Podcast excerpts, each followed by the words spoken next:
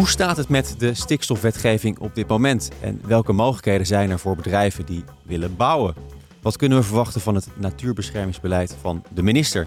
Mijn naam is Koos Tervoren en dit is Stibbe Legal Insights. En deze aflevering gaat over stikstofwetgeving. Uh, Nederland kennen sinds 2015 de PAS, het programma Aanpak Stikstof. In 2019 werd die ongeldig verklaard en sindsdien zitten we in een stikstofcrisis. Maar hoe op slot zitten we nu eigenlijk? Uh, hoe het er nu voor staat en wat er mogelijk is, bespreek ik met Lisbeth Berkhouwer en Anna Collignon. Beide advocaat bij Stibbe. Welkom allebei. Dank. Dankjewel. Even op een rijtje zetten waar we het over hebben. Waarom, Anna, is er een stikstofcrisis?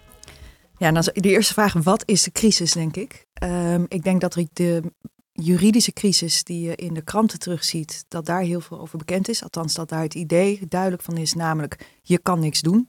Er kunnen geen bouwprojecten meer doorgang vinden of er kan geen infrastructuur meer worden aangelegd. Dat wordt denk ik aan de ene kant uit, aangeduid als de crisis, dat is het juridische deel. Uh, maar dat is een gevolg van de feitelijke crisis, namelijk dat er een overbelasting is van stikstof op de natuurgebieden in Nederland. En dat hangt met elkaar samen, um, want binnen Europa is er afgesproken om natuurgebieden te beschermen. Ja. Daar um, zijn dan ook uh, gebieden voor aangewezen. In Nederland zijn het 162 gebieden. Uh, dus dat zijn grote gebieden zoals de Waldenzee, maar ook wat versnipperde gebieden. Daar is de belasting van stikstof. Stikstof komt in de lucht door bijvoorbeeld een verbrandingsproces of ammoniak in uh, mest van dieren. Dat komt in de lucht, dat slaat weer neer. En dat heeft tot effect dat er verzuring kan zijn van de bodem. Of dat, omdat het uh, stikstof is mest, hè, dus dat, dat er ook bepaalde planten juist heel goed gaan groeien en andere planten overwoekeren.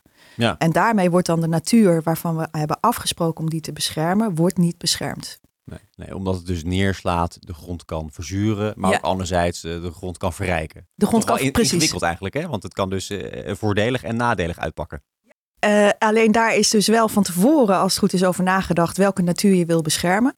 Daarvoor zijn, ik zal een aantal termen nu noemen, daar komen we misschien een aantal keren op terug. Daarvoor zijn dan binnen Europa in aanwijzingsbesluiten voor de gebieden zijn instandhoudingsdoelstellingen opgenomen. Dus daarvoor is gezegd, op, echt op detailniveau, dus per gebied, deze habitats, dus deze plantjes, die vinden we belangrijk.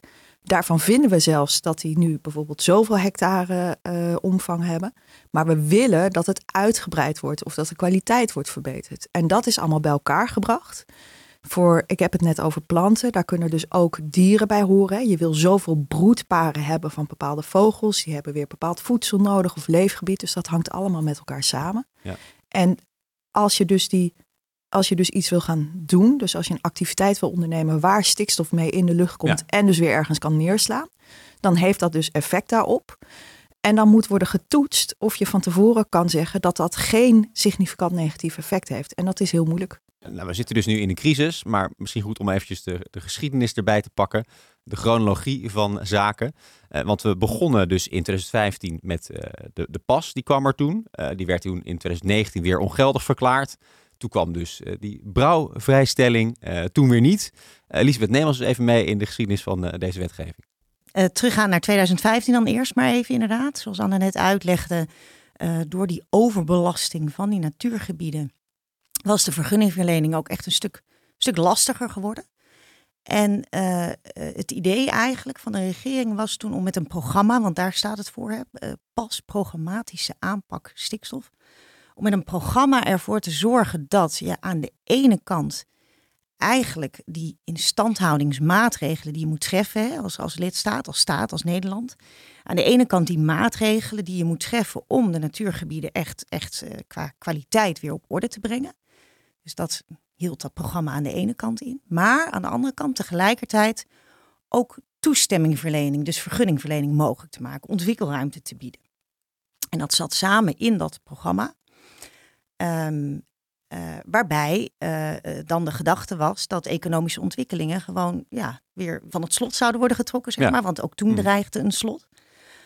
Maar waarbij tegelijkertijd dus nogmaals echt een aantal maatregelen zou worden getroffen om de natuurgebieden op orde te brengen. Ehm, misschien goed om daarbij nog te vermelden, Anne had het net over overbelasting. We hebben eh, ja, de zogenaamde kritische depositiewaarde, de KDW, die, die komt ook vaak langs eigenlijk. Eh, hoor je vaak wordt, wordt eraan ge- gerefereerd als, als normen, maar het zijn, ja, het zijn waarden die door ecologen eigenlijk ja, tot stand zijn gebracht, zijn mhm. geformuleerd. Waarden per habitattype, per plantje. Hè. Ehm, en die waarden tonen aan wat kan zo'n habitattype nou aan qua stikstofbelasting. Ja. En je ziet dus dat uh, veel habitattypen in al die 162 natuurgebieden, niet in allemaal overigens, maar wel in een uh, fors deel, veel van die habitattypen eigenlijk een, een, een, een stikstof over zich heen krijgen die nou factor 2 van die KDW is, zeg maar. Dat kunnen ze gewoon niet aan. Dat kunnen ze niet aannemen. Nou, dit programma, dit pas, moest daar dus uh, een, een oplossing voor bieden. Nogmaals, aan de ene kant maatregelen, aan de andere kant vergunningverlening. Nou, maar goed ging dat volgens mij niet, want om 2019 werd hij weer ongeldig verklaard, begrijp ik. Ja, en dat had verband, dat hield verband dus met die maatregelen die de staten al eigenlijk verplicht zijn om te treffen. Ja. En misschien is het goed, ik noemde net die aanwijzing van die natuurgebieden en dat daar dus instandhoudingsdoelstellingen in staan.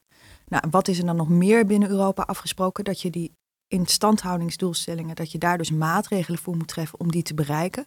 Dus dat, dat klinkt als het in stand houden van die natuur, maar daar zit dus ook die verbetering of uh, uitbreiding bij die ik uh, eerder noemde.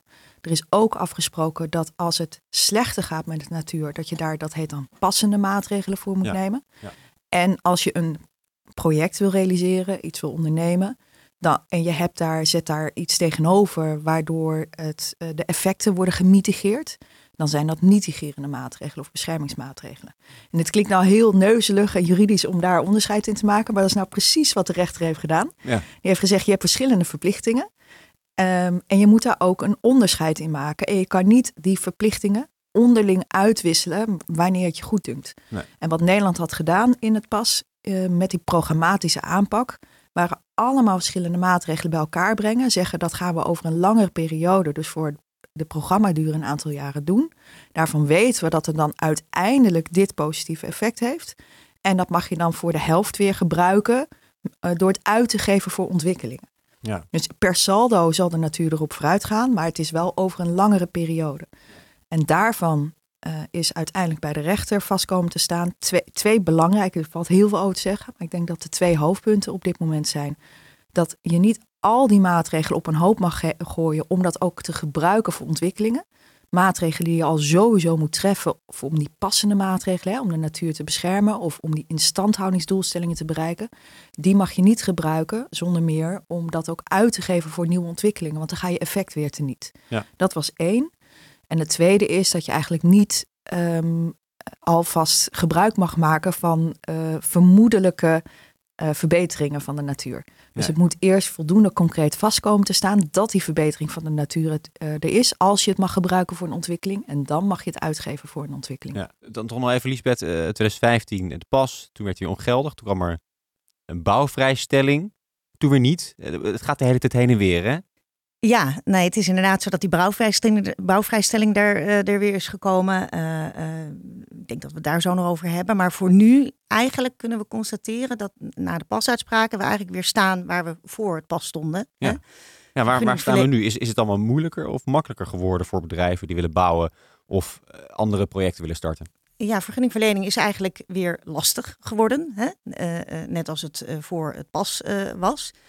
Uh, het enige is dat uh, wij wel zien in de jurisprudentie, en ik denk dus in de rechtspraak, ik denk dat dat toch ook belangrijk is om te vermelden, dat op zich niet elke toename hè, van stikstof die een project tot gevolg heeft, niet elke toename is onaanvaardbaar en, en, en kan dus niet vergund worden. Dat is niet het geval. Je ziet dat er uh, uitspraken zijn waar een, een, toename van stikstof wel degelijk aanvaardbaar wordt beoordeeld door ecologen. En dat dan de, dus dat die ontwikkeling ook bij de rechter stand houdt. Ja. Niet onmogelijk, wel lastiger. Nou ja, en, eh, en eigenlijk is die lastigheid, die blijft, die moeilijkheid, die complicatie, die blijft zolang er geen fikse reductie plaatsvindt op de stikstofemissie in uh, uh, Nederland. Nou ja, eens, eens zo'n casus waarbij het misschien uh, wel aanvaardbaar was, was Portos. Hè, laten we daar even wat specifiek op inzoomen. Groot bouwproject in de Rotterdamse haven. Met als doel om CO2 af te vangen en op te slaan. Dus je zou misschien kunnen zeggen dat is een aanvaardbaar uh, doel om inderdaad wat meer stikstof in de lucht te brengen. Uh, daarvoor moest een pijpleiding worden aangelegd in een natuurgebied. en het kabinet dacht daar een juridische geitenpaadje voor te hebben gevonden, Anna. Maar ze hadden iets te vroeg gejuicht, toch? Ja, dit hangt dus samen met de vraag hoe moet je projecten beoordelen, ontwikkelingen. En wat Lisbeth net aangaf, het is niet onmogelijk om iets te realiseren, maar dan moet je dus op individueel niveau gaan bekijken. En op individueel niveau kan je natuurlijk ook tot het slotsom komen dat er geen stikstoftoename is. In geval van Portos ging het met name om de bouwwerkzaamheden. Dus niet zozeer natuur die verloren ging. Maar omdat je bouwwerkzaamheden hebt, heb je weer een verbrandingsproces. Komt de stikstof in de lucht en kan het weer ergens neerslaan. En dat is voor een tijdelijke periode. En daar had de wetgever voor bedacht, nadat het pas onderuit was gegaan, dat daar een drempelwaarde voor kon zijn. In dit geval de partiële bouwvrijstelling, meer een algemene vrijstelling. Dat alle tijdelijke bouwactiviteiten, dat die worden uitgezonderd van de vergunningplicht. Dus dat is een generieke maatregel. En dat maakt het juist veel makkelijker voor burgers en bedrijven. We hebben het nu overigens over grote projecten, maar dit geldt dus ook voor elke particulier die, uh, die iets uh, die gaat ondernemen. Wil bouwen. Ja, nou ja, en hopelijk zal dat weer niet zoveel met zich meebrengen. Want stikstof wordt gemeten um, uh, in het aantal mol stikstof per hectare per jaar. Dus als je één dag iets doet, dan wordt dat verspreid vervolgens over het hele jaar. Dus dat zal hopelijk mijn schuurtje meevallen. Ja, ja. maar als je dat in een natuurgebied doet, dan zou dat natuurlijk weer, uh, weer anders zijn of er tegenaan. Um, maar die generieke maatregelen, die waren met het pas weggevallen. En dat maakt het heel moeilijk. Dus daarvoor was de partiële bouwvrijstelling.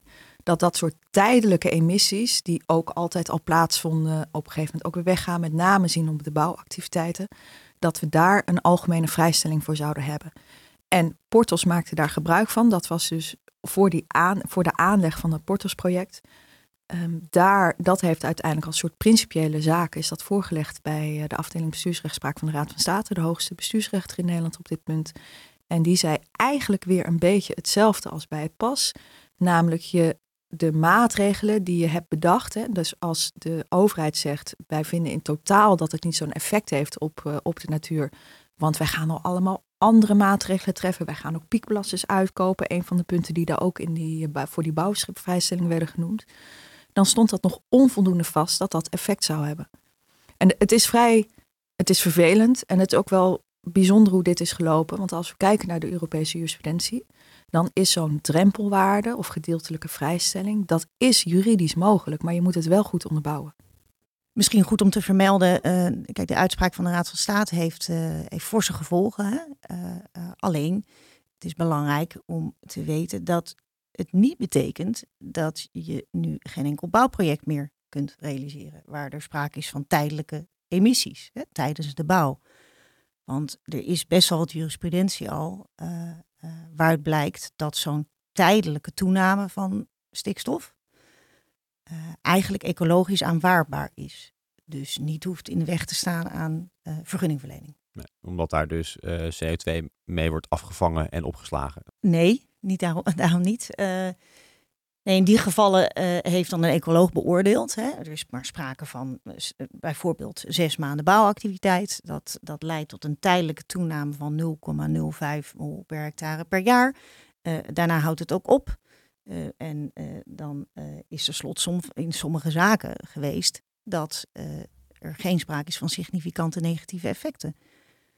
Dus dan, dan maak je niet meer gebruik van die bouwvrijstelling die er was, waar Portos gebruik van heeft gemaakt. Maar dan ehm, constateer je gewoon dat er geen sprake is van een vergunningplicht, omdat die toename ecologisch niet negatief is. Maar dat vergt dus wel een ecologische beoordeling. En dus ook tijd die je daarin moet steken om te zorgen dat dat op de juiste manier op papier komt. En dus ook de eindstreep kan halen als daar bijvoorbeeld een rechtelijke procedure over komt. Ik probeer me een beetje te verplaatsen in uh, de ondernemer. Uh, nou ja, mol per hectare per jaar. Het lijkt alsof je biologie moet hebben gestudeerd om het allemaal te begrijpen. Ook qua wetgeving gaat het heen en weer. Wel de pas, niet de pas, bouwvrijstelling niet. Ja, hoe is het voor ondernemers, Liesbeth? Is het nog wel bij te houden? Nou, ik denk dat je eigenlijk er in ieder geval niet aan ontkomt om een, uh, een ecoloog uh, in de arm te nemen. En ja, wellicht ook een, een het noodzakelijke uh, kwaad in de vorm van een jurist of een advocaat. Maar um, kijk, in sommige gevallen is er niet zoveel aan de hand. Hè? afhankelijk van de, de, de situering van een project, van een ontwikkeling. Um, dus het is allereerst belangrijk om te kijken, en dat, daar zal toch een ecoloog denk ik aan te pas moeten komen. Uh, uh, waar ligt het project? Hoe ver uh, is dat verwijderd van een natuurgebied? ehm, is daar überhaupt sprake van overschrijding van de kritische depositiewaarde, die KDW-waarde voor stikstof? En nou, in sommige gevallen is daar het antwoord nee. En dan, dan heb je sowieso niet zo heel veel issues, denk ik, op dit vlak. Maar uh, op het moment dat daar wel een, een, een uh, natuurgebied uh, zit met een overschrijding van de KDW, ja, dan zal er toch echt gerekend ook moeten gaan worden van wat is de, het gevolg. Hè? We zoomen daar denk ik straks ook nog wel even op in. Hoe zit dat? Gaat dat nou met vergunningverlening? Eventueel salderen. Maar dan zal je toch moeten gaan kijken wat, wat is de emissie van het project en wat doet dat met dat natuurgebied ja. dat in de buurt zit. Nou ja, eh, laten we het wat concreter maken. Anna, stel uh, je wil als bedrijf iets bouwen. Uh, een gebouw of een, of, een, of een weg. Hoe makkelijk of moeilijk is dat op dit moment? Nou, dat hangt dus ten eerste van de locatie af, wat Lisbeth al aangaf, en de omvang van je projecten. Maar dat betekent dat je er dus in ieder geval even bij moet stilstaan wat je gaat doen. Dat is dus anders dan met een generieke maatregel. Daarvoor moet je dus die beoordeling uitvoeren. Daarvoor is een systeem, het uh, ARIES systeem, ARIES Calculator. Daarin kan je de, je eh, activiteiten invoeren, de locatie. En dan volgt daaruit wat de depositie, hè, dus, dus je hebt de emissie die de lucht in gaat en dat valt dan uiteindelijk neer op een, eh, een, een natuurgebied. Dat wordt dan berekend wat die depositie is. Ehm, het idee is dat iedereen dat zou kunnen invullen, maar ik denk dat het uh, in veel gevallen handig is om daar een specialist bij te betrekken. Ja. Um, en daar, als daar uitkomt dat het, en het gaat tot twee cijfers achter de komma. Dus dat als daaruit volgt dat je project 0,00 effect heeft, mol per hectare per jaar, dan ben je safe. Dan is er dus in principe niks aan de hand op stikstofgebied. Hè? Nog even los van andere effecten die je misschien op een natuurgebied kan hebben. Maar zodra er een eentje verschijnt? Zodra er een 0,01 verschijnt en misschien ook goed om te weten, we hebben het hier dus wel over relatief kleine bijdragen een mol, hè, dus niet een 0,01, maar 1 mol, heb ik altijd begrepen, is ongeveer een suikerzakje wat je over een hectare gedurende één jaar verspreidt. En wat is daar de schade van? Voor nou, ecologisch is dat lastig, uh, lastig vast te stellen, uh, volgens mij. Hè? Ja, het probleem daarbij is dat de, uh, Lisbeth noemde al de kritische depositiewaarden, de KDW, die zijn vastgesteld. Um, dat betekent niet, dat zegt de rechter ook altijd heel duidelijk, dat betekent dus niet dat je die KDW kost wat kost moet behalen voordat je activiteiten weer mogelijk kan maken. Maar het is een indicatie dat het niet goed kan gaan met het gebied. En het uh, tweede indicatie daarbij is als die overbelasting al heel lang plaatsvindt. Want wat we in de praktijk feitelijk ook zien, is dat de stikstofbelasting sinds de jaren 90 behoorlijk is afgenomen. Dus dat er minder belasting is, maar het is nog steeds te hoog. En als je dat dan weer afzet tegen je verbeteropgave of uitbreidingsopgave, blijkt dat het lastig is om dan te betogen dat er misschien geen negatief effect daarop is als je met een toename komt van stikstof in een overbelaste situatie. Zelfs als het een kleine toename is, is dat dan lastig. Ja, ja. Je hebt eigenlijk de rekening voor alles wat er in het verleden eigenlijk al is gebeurd. Er is al zoveel uitgestoot en uh, ook al ga je een klein beetje ja, toevoegen, uh, dan ben je... Daar komt het wel op neer, want als die kritische depositiewaarde niet wordt behaald en er zijn nog steeds gebieden uh, waar dat voor bepaalde uh, habitats niet het geval is, hè, dus dat je niet boven die kritische depositiewaarde zit, dan heb je ook geen vergunningplicht. Want zolang het daaronder zit, dat staat dan vast volgens de rechtspraak, is er, weet je dat er geen significant negatief effect kan zijn. Maar Lisbeth, je noem het net al even, je kunt, er is een oplossing. Je kunt intern en extern salderen. Wat is dat precies en hoe werkt het? Ja, misschien eerst dan intern salderen. Um, het kan op verschillende manieren. Hè? Stel je voor, er is een, een, een plan waarbij een, een, bepaalde functie, industriefunctie wil slopen en daar komen woningen voor in de plaats binnen datzelfde gebied. Hè? Maar het kan ook zo zijn dat het gaat om een bedrijf dat een aantal stookinstallaties in werking heeft en één stookinstallatie gaat eruit en dan komt een andere installatie bij. Ja? Dus binnen een project ga je dingen veranderen. Um, dan kun je, als je die, voor die verandering een vergunning aanvraagt, een toestemming vraagt, kun je gaan rekenen, nou wat is nou eigenlijk mijn, waar kom ik vandaan? Wat is mijn referentiesituatie? Wat is mijn bestaand recht? Er is al een plan dat voorziet in die industriefunctie, er is al een vergunning voor dat bedrijf met die stookinstallaties. Daar zitten al gevolgen aan vast, hè, emissies dus ook. Dat is waar je vandaan komt, de referentiesituatie. En wat ga ik doen in de toekomst? Wat is die wijziging? Hoe is de toekomstige situatie? En dan kan je dus uh, uh, het aangevraagde zeg maar afzetten tegen je referentiesituatie. En als je dan uitkomt op een afname in emissies, dan heb je geen vergunning nodig. Of als het gelijk blijft. Ja, dan heb je geen vergunning nodig. En dat is intern salderen. En op dit moment is het dus zo dat je, dat je kan afzetten. Ja, daar zijn, wel, is wel wat, zijn wel wat kritische geluiden inmiddels van verschillende rechtbanken. Maar op dit moment is het zo dat je kunt afzetten, hè, vergelijken met je bestaand recht. Dus je bent niet beperkt tot het vergelijken met wat je feitelijk ook aan emissies in de huidige situatie doet, veroorzaakt. Nee, je mag vergelijken met je bestaand recht. En daar kan ook wat, zoals we dat dan noemen, latente ruimte in zitten, die je eigenlijk niet benut, maar waar je wel een recht voor hebt. Ja, ja. ja dus, dus eh, je hebt een plan ingediend, een vergunning gekregen met een bij behorende emissie, Ja. uitstoot. Als je daar eh, op zit of onder zit, omdat er dus blijkbaar ruimte is, eh, dan is er niks aan de hand. Dan kan je Ja, salderen. Dan kan je dus wijzigingen doorvoeren, mits je maar binnen dat recht van eh, dat bestaande recht blijft, wat je ooit hebt vergund gekregen. Ja. En dan is er ook extern salderen, Anne. Ja, en daarvoor is het principe eigenlijk gelijk. Want dan ga je ook weer een saldo-afweging maken. Namelijk je haalt ergens eh stikstofdepositie, emissie weg. En je voegt iets toe. En dan moet het per saldo niet slechter worden. Dat is eigenlijk het principe van intern salderen. Maar intern salderen betekent dat, dat je dat binnen je eigen project doet. Dus Lisbeth noemde het net al een voorbeeld daarvoor. En extern betekent dat je dat iets doet met buiten je project. En dat buiten je project, wat we bijvoorbeeld zien, ehm, en waar ook eh, wel nieuwsberichten over zijn, is dat bijvoorbeeld een boerderij, een veehouderij wordt opgekocht. Dat die stikstofemissie dus vervalt. Dan moet je dat wel goed waarborgen dat dat ook daadwerkelijk gebeurt. Dus dat die vergunning wordt ingetrokken en dat er geen nieuwe vergunning daarvoor kan komen. En dan zet je die ruimte die dan vrijkomt, die zet je in voor je eigen project. Daar zitten twee belangrijke punten bij, los van die waarborgen die ik al noemde. Het eerste is, we hadden het over de depositie op natuur. Ik zei al dat dat wordt berekend per eh, mol per hectare per jaar. Per hectare. Dus het kan niet zo, je kan, je moet wel iets wat een beetje in de buurt is, wat namelijk dezelfde depositie heeft op dat specifieke gebied op die hectare. Dus je kan niet door, je moet echt heel goed opletten waar je dan mee saldeert. Dat moet dus ook in die areas-berekening worden meegenomen. En dan moet je dus op die 0,00 uitkomen. Dat is het eerste belangrijke punt wat, eh, wat ik hier wil noemen. En het tweede is dat in de, het be- stikstofbeleid is afgesproken dat als je extern gaat salderen, dat je daar 30% wordt daarvan afgeroomd.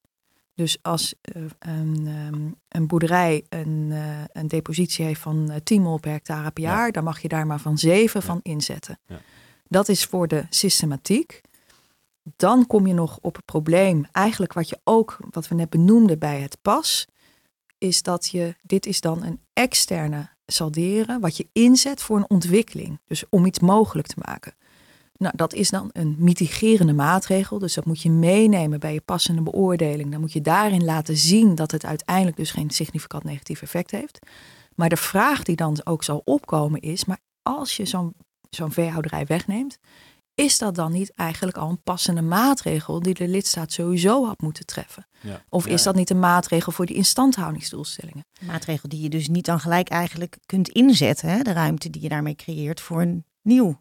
Eh, Nee, precies. Ja. ja. Zet Ja. het in de plaats Ja. in voor iets anders, eh, maar misschien had het überhaupt moeten verdwijnen. Precies, Ja. dus dat je die Ja. 70% niet alsnog kan inzetten voor een ontwikkeling. En daarvan zegt de rechter dat het niet onmogelijk is om zoiets in te zetten voor een eigen ontwikkeling. Ook al kwalificeert het misschien ook wel als zo'n maatregel die je sowieso had moeten nemen en waarvan je dus de baten niet mag uitgeven voor een ontwikkeling. Maar dan moet wel voldoende vaststaan dat er andere maatregelen worden getroffen, passende maatregelen of instandhoudingsmaatregelen, om dus die staat van de natuur te herstellen of te verbeteren. En wat wij zien in de rechtspraak is dat mijn provincies staan vaak aan de lat om maatregelen daadwerkelijk te nemen en uit te voeren in het kader van die, die verplichtingen om die natuur in, eh, te herstellen of in stand te houden. Dat provincies het heel moeilijk hebben om heel concreet aan te geven welke maatregelen zij allemaal treffen. Er zit natuurlijk een heel politiek eh, systeem achter en veel discussies wie welke kosten moet dragen en, en op welke wat je doelen zijn.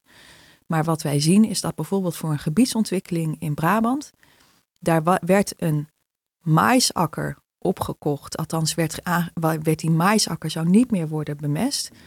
Dat zou dan worden ingezet extern solderen voor die gebiedsontwikkeling. Maar de provincie kon geen enkele andere maatregel noemen waarmee ze de natuur zou gaan herstellen. En dat maakte dat het dan heel moeilijk was om die maatregel, namelijk het niet meer bemesten van die maisakker, om dat voor een concreet project in te zetten.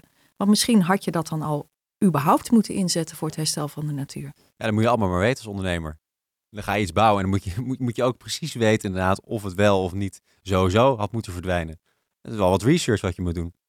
Uh, het, het, het is, uh, wij merken wel in onze praktijk dat, uh, dat ja, het omgeven is met allerlei onzekerheden. En dat je dus ook als je kijkt naar de toekomst ja, altijd wel, wel slagen moet inbouwen. Ook omdat de jurisprudentie op dit vlak echt in ontwikkeling is. Ja. En dan is er nog een last resort, de ADC-toets. Dat moet je even uitleggen, Lisbeth. Ja, de ADC-toets, of eigenlijk de ADC-toestemming.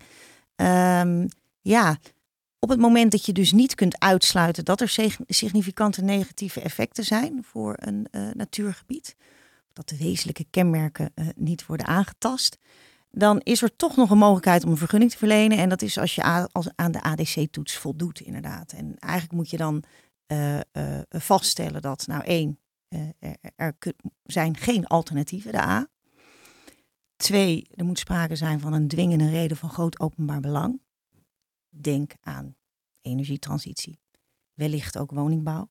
Nou, de, de Blankenburg-tunnel was een voorbeeld. Dus infrastructuur kan uh, hiermee worden gerealiseerd onder bepaalde voorwaarden. En C, ja, je moet dan wel die, die, die aantasting die in beperkte mate plaatsvindt, uh, moet je compenseren. Precies, ja. En dat laatste is voor stikstofproblemen, voor de stikstofoverbelasting is lastig. Maar niet onmogelijk, want we zien dat dus in de jurisprudentie wel naar voren komen. En wat er dan gebeurt bijvoorbeeld is, er wordt eigenlijk uitgerekend, wat betekent nou uh, dit initiatief als je kijkt over een lange termijn, wat doet dat met die stikstofoverbelasting? En tot welk ja, areaalverlies leidt dat dan? Dus oppervlakteverlies aan een bepaald habitattype. Dat kan berekend worden, hè, volgens ecologen. Uh, nou, dan kom je uit op een bepaald beperkt aantal, een aantal hectare voor een bepaald habitattype. En dan moet je dat dus vormgeven, compensatie vormgeven elders. Ja, ja. Dat is niet, niet makkelijk, denk ik, maar het, het kan wel en er wordt weinig gebruik van gemaakt. En waarom is dat? Ja, het is een. Uh, Lisbeth noemde net alle stappen die je al moet doorlopen. en de procedure zelf is ook langer dan wanneer je van tevoren vaststelt dat er geen significant negatief effect is. Misschien zelfs al als je van tevoren kan, makkelijk kan zeggen met een voortoets dat u zeker weet dat er geen effect is, dan heb je ook geen vergunning nodig. Dus dat is qua procedure en doorlooptijden gaat dat het snelst, geen natuurvergunning nodig. Als je kan uitsluiten dat er negatieve effecten zijn, krijg je die vergunning makkelijker verleend in beginsel. Dat is in ieder geval altijd de gedachte die erbij is. En daarom werd de ADC echt als een last resort gezien, want dan moet je het heel uitgebreid gaan omschrijven. Er komt een toets ook aan je dwingende redenen van groot openbaar belang. Er wordt inderdaad nog een keer getoetst of er geen alternatieven zijn. En je zit ook in een compensatievorm, wat ook binnen Nederland soms lastig is om vorm te geven. Dus er is denk ik veel vrees voor. Misschien is dat deels koudwatervrees, omdat we in de praktijk zien dat het ook goed kan uitpakken. En er ook veel projecten op dit moment in het land zijn die ook wel zouden kwalificeren als een als een groot openbaar belang en waar uh, deze toets voor zou kunnen worden gebruikt. Maar het is belangrijk om te realiseren dat het dus een langdurig proces is. En er zijn ook een aantal specifieke habitats, aantal plantjes in, uh, in Nederland. Die noemen we dan prioritaire soorten. En dan wordt de Europese Commissie ook betrokken bij een ADC-toets. Dus dat laat zien dat er wel veel gewicht aan wordt toegekend. Dus dat het niet een eenvoudige vergunningverlening is die ook alleen maar nationaal kan worden afgehandeld. Nee. Ja, dus dan denken ondernemers misschien, laat maar, het duurt me te lang en is te ingewikkeld. Ja, en daar kan misschien bij komen, hè, het duurt te lang, maar ook bepaalde onzekerheid die daarin zit. Wij denken, ik noemde het net al even koudwatervrees, wij denken dat dit voor uh, een aantal projecten toch wel uh, een oplossing zou kunnen bieden. Maar dan moet je daar wel van tevoren rekening mee houden, ook in het kader van de doorlooptijd. Nou, we hebben dit onderwerp uh, al vanuit verschillende perspectieven benaderd. juridisch, uiteraard uh, ecologisch een beetje vanuit de ondernemers. Maar er is ook nog de beleidskant.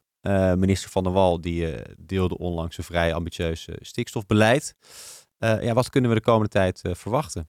Nou, wat, wat je kunt lezen eigenlijk in die brief, hè, die is van eind november vorig jaar, is dat eigenlijk allereerst fors wordt ingezet op een, op een reductie. Een reductie van de emissie. En eigenlijk werkt ze dat uit langs, eh, langs een paar sporen. Aan de ene kant de agrarische sector. Um, maar aan de andere kant ook de industriesector. Voor de agrarische sector komt er een soort regeling. Hè, waar, waar agrarische partijen dan op kunnen intekenen. En als dat na een jaar vast, vastgesteld wordt dat dat onvoldoende oplevert, dan heeft ze al aangekondigd. Hè? Dan uh, zal ze wellicht ook de onteigenings, uh, onteigening uit de gereedschapskist halen. Um, nou, vergaand beleid dus. Ja, ja. Um, en aan de andere kant, industrie, daar komen sectordoelen voor verschillende sectoren binnen de industrie. Het is misschien goed om op te merken dat de emissies als gevolg van de agrarische sector toch naast mobiliteit overigens, uh, uh, toch wel de meest forse is in, uh, in, in, Nederland. Daar is hier en daar natuurlijk af en toe wat discussie over. En, ja, maar we kunnen denk ik niet om het feit heen dat daar eigenlijk de meeste winst, winst behaald zou moeten en in ieder geval kunnen worden. Voor industrie is, nou uit mijn hoofd, dat zit volgens mij onder de 5% als je kijkt naar de emissies van, van de kant van de industrie. Maar goed, neem niet weg in de brief reductie, zowel in de agrarische sector als in de industriesector. Dat is één. Verder doet de minister een aantal aankondigingen op, uh, op het uh, gebied van vergunningverlening ook. Ze wil eigenlijk die vergunningverlening uh, gaan aanscherpen. Ja, het intern salderen, wat we net ook benoemden. Mm -hmm. Dus dat als je binnen je eigen project op nul uitkomt, 0,00. Daarvan is nu de stand van zaken volgens de wet en ook de rechter die die wet heeft uitgelegd en toegepast, dat je daar geen vergunning voor nodig hebt. En de minister wil daar weer een vergunningplicht voor introduceren, zoals het voorheen overigens ook was. Um, om daarmee ook meer grip te hebben op die situatie en daar misschien ook weer wat meer beleid overheen te kunnen zetten. Um, en te weten wat daarmee gebeurt en dat te kunnen toetsen. Dus dat is uh, een van de dingen die er aankomt. De minister heeft aangegeven dat ze dat volgens mij in 2024 in wetgeving zou willen realiseren. We weten niet hoe snel dat daadwerkelijk gaat en of het dus het wetsvoorstel ook nog enige tijd op zich laat wachten of dat het misschien veel sneller komt dan, uh, dan nu is aangekondigd. Daarnaast wil de minister ook de latente ruimte, de term viel al een keer, dus als jij een vergund recht hebt of als jij een recht hebt omdat je al een activiteit ondernam voordat die natuurgebieden Europees werden beschermd, um, dan heb je daar een bepaalde eerdere toestemming voor dan mag je dat doen wat er op papier staat. En de minister die heeft ook aangekondigd dat ze wil kijken of de latente ruimte, dus iets wat je op papier wel mag doen, maar wat feitelijk langdurig niet gebeurt, of dat ook op de een of andere manier kan worden weggenomen, zodat dat ook die papieren ruimte aan de natuur wordt gegeven en niet meer in gebruik wordt genomen. Nee, precies. Dus echt wel een aanscherping van maatregelen. Uh, maar dus ook nog wel de onzekerheid wat er met de agrarische sector gaat gebeuren. Uh, is de situatie nu duidelijker of minder duidelijk geworden? ik denk op zich dat zij wel wat duidelijke uh, richtingen heeft geschetst. Hè? Dus voor korte termijn, middellange termijn, lange termijn. Wat ik wel lastig vind is om vast te stellen hoe dit zich nou verhoudt tot waar de provincies ook hard mee bezig zijn. Hè? Want uh, de provincies hebben de afgelopen jaren wel werk gemaakt al van uh, nou ja, bekijken de situatie binnen de provincie, ook gesprekken uh, met de agrarische sector vanzelfsprekend. Um, zij moeten in de zomer van 2023 hun gebiedsplannen af hebben. Uh, op basis van zogenaamde natuurdoelanalyses. Um, en de vraag doet zich een beetje voor hoe dit nou uh, elkaar misschien doorkruist. Hè? Je ziet ook dat de provincie Overijssel recent nog, ik meen 5 miljard, een rekening van 5 miljard heeft neergelegd bij de minister. Voor een plan dat de provincie heeft uh, om de stikstof binnen de provinciegrenzen, stikstofproblematiek aan te pakken. En mij is niet helemaal duidelijk hoe nou deze brief en wat zij heeft aangekondigd zich verhoudt tot wat er allemaal al loopt. Ja, en dat is denk ik ook een van de problemen binnen het uh, stikstofgebied en de uitdagingen die we zien. Dat er al heel lang plannen worden gemaakt. Dat er ook heel veel verschillende plannen worden gemaakt die allemaal langs elkaar heen lopen. En dat wij af en toe moeite hebben, zeker als we weer zo'n Kamerbrief zien en nieuwsberichten eromheen en andere Kamerbrieven. Want we hebben het nu over de Kamerbrief van eind november. Maar in juni was er ook één, 1 april was er één. Er wordt continu nieuwe acties aangekondigd. Maar het resultaat blijft uit. En zolang dat resultaat uitblijft, blijft er onzekerheid in de markt. Of er weer op korte termijn een generieke maatregel zal komen, waardoor het makkelijker wordt om projecten te realiseren. En hoe dat eruit komt te zien. En de minister heeft ook in die laatste Kamerbrief van 25 eh, november van afgelopen jaar aangegeven dat ze inzet, die inzet is er al langer, op liever minder stikstofruimte of minder ontwikkelruimte voor projecten, maar meer zekerheid, dan meer ontwikkelruimte, maar minder zekerheid. Nou, dat is, die zekerheid was eigenlijk de afgelopen, waren de afgelopen, was de afgelopen jaren er niet. De minister probeert daar nu op in te zetten, maar wel op een manier dat die zekerheid misschien pas over één of twee of drie jaar verder wordt gerealiseerd. En ik denk dat dat, dat, eh, dat bedrijven toch wel graag eerder meer zekerheid willen hebben. Ja, hoe doen andere landen dat in Europa? Is daar wel meer zekerheid, duidelijkheid? Ja, het wisselt een beetje per land welke problematiek daar is. Nederland heeft natuurlijk, ik noemde al 162 gebieden, niet allemaal stikstofoverbelast, maar wel een groot deel daarvan. En veel activiteiten die worden ondernomen zitten vlakbij uh, bij die uh, natuurgebieden. Als we naar de ons omringende landen kijken, want stikstofgebieden lopen ook, of uh, natuurgebieden lopen ook door. Dus een natuurgebied in Nederland kan ook deels in België liggen of deels in Duitsland. Dan zien we dat daar wel een andere systematiek wordt gehanteerd. België had ongeveer een vergelijkbare programmatische aanpak, maar ook met een drempelwaarde, die we in Nederland ook hadden, die wat hoger lag, waardoor je onder die waarde niks hoefde te doen. Daar is uiteindelijk in België ook, in Vlaanderen dan in dit geval, een streep doorheen gezet. En daar wordt nu politiek ook ingezet op het opkopen van uh, piekbelasters van een aantal agrarische bedrijven. In Duitsland zien we dat daar uh, uh, ook aandacht is voor stikstof. En dat daardoor ecologen is vastgesteld dat voor bepaalde habitats dat daar een veel hogere drempelwaarde kan zijn. En die hogere drempelwaarde wordt daar dus veel makkelijker toegepast, waardoor veel projecten op dit punt vergunningvrij zijn. En dat wordt wel vaker aangehaald in Nederland. Um, maar die situatie is, nou, tot op heden is er geen aanleiding gezien om dat één op één over te nemen. In Duitsland is deze systematiek wel daaraan uh, aan de rechters voorgelegd. Maar dit heeft ook nog niet, is nog niet binnen Europa geweest.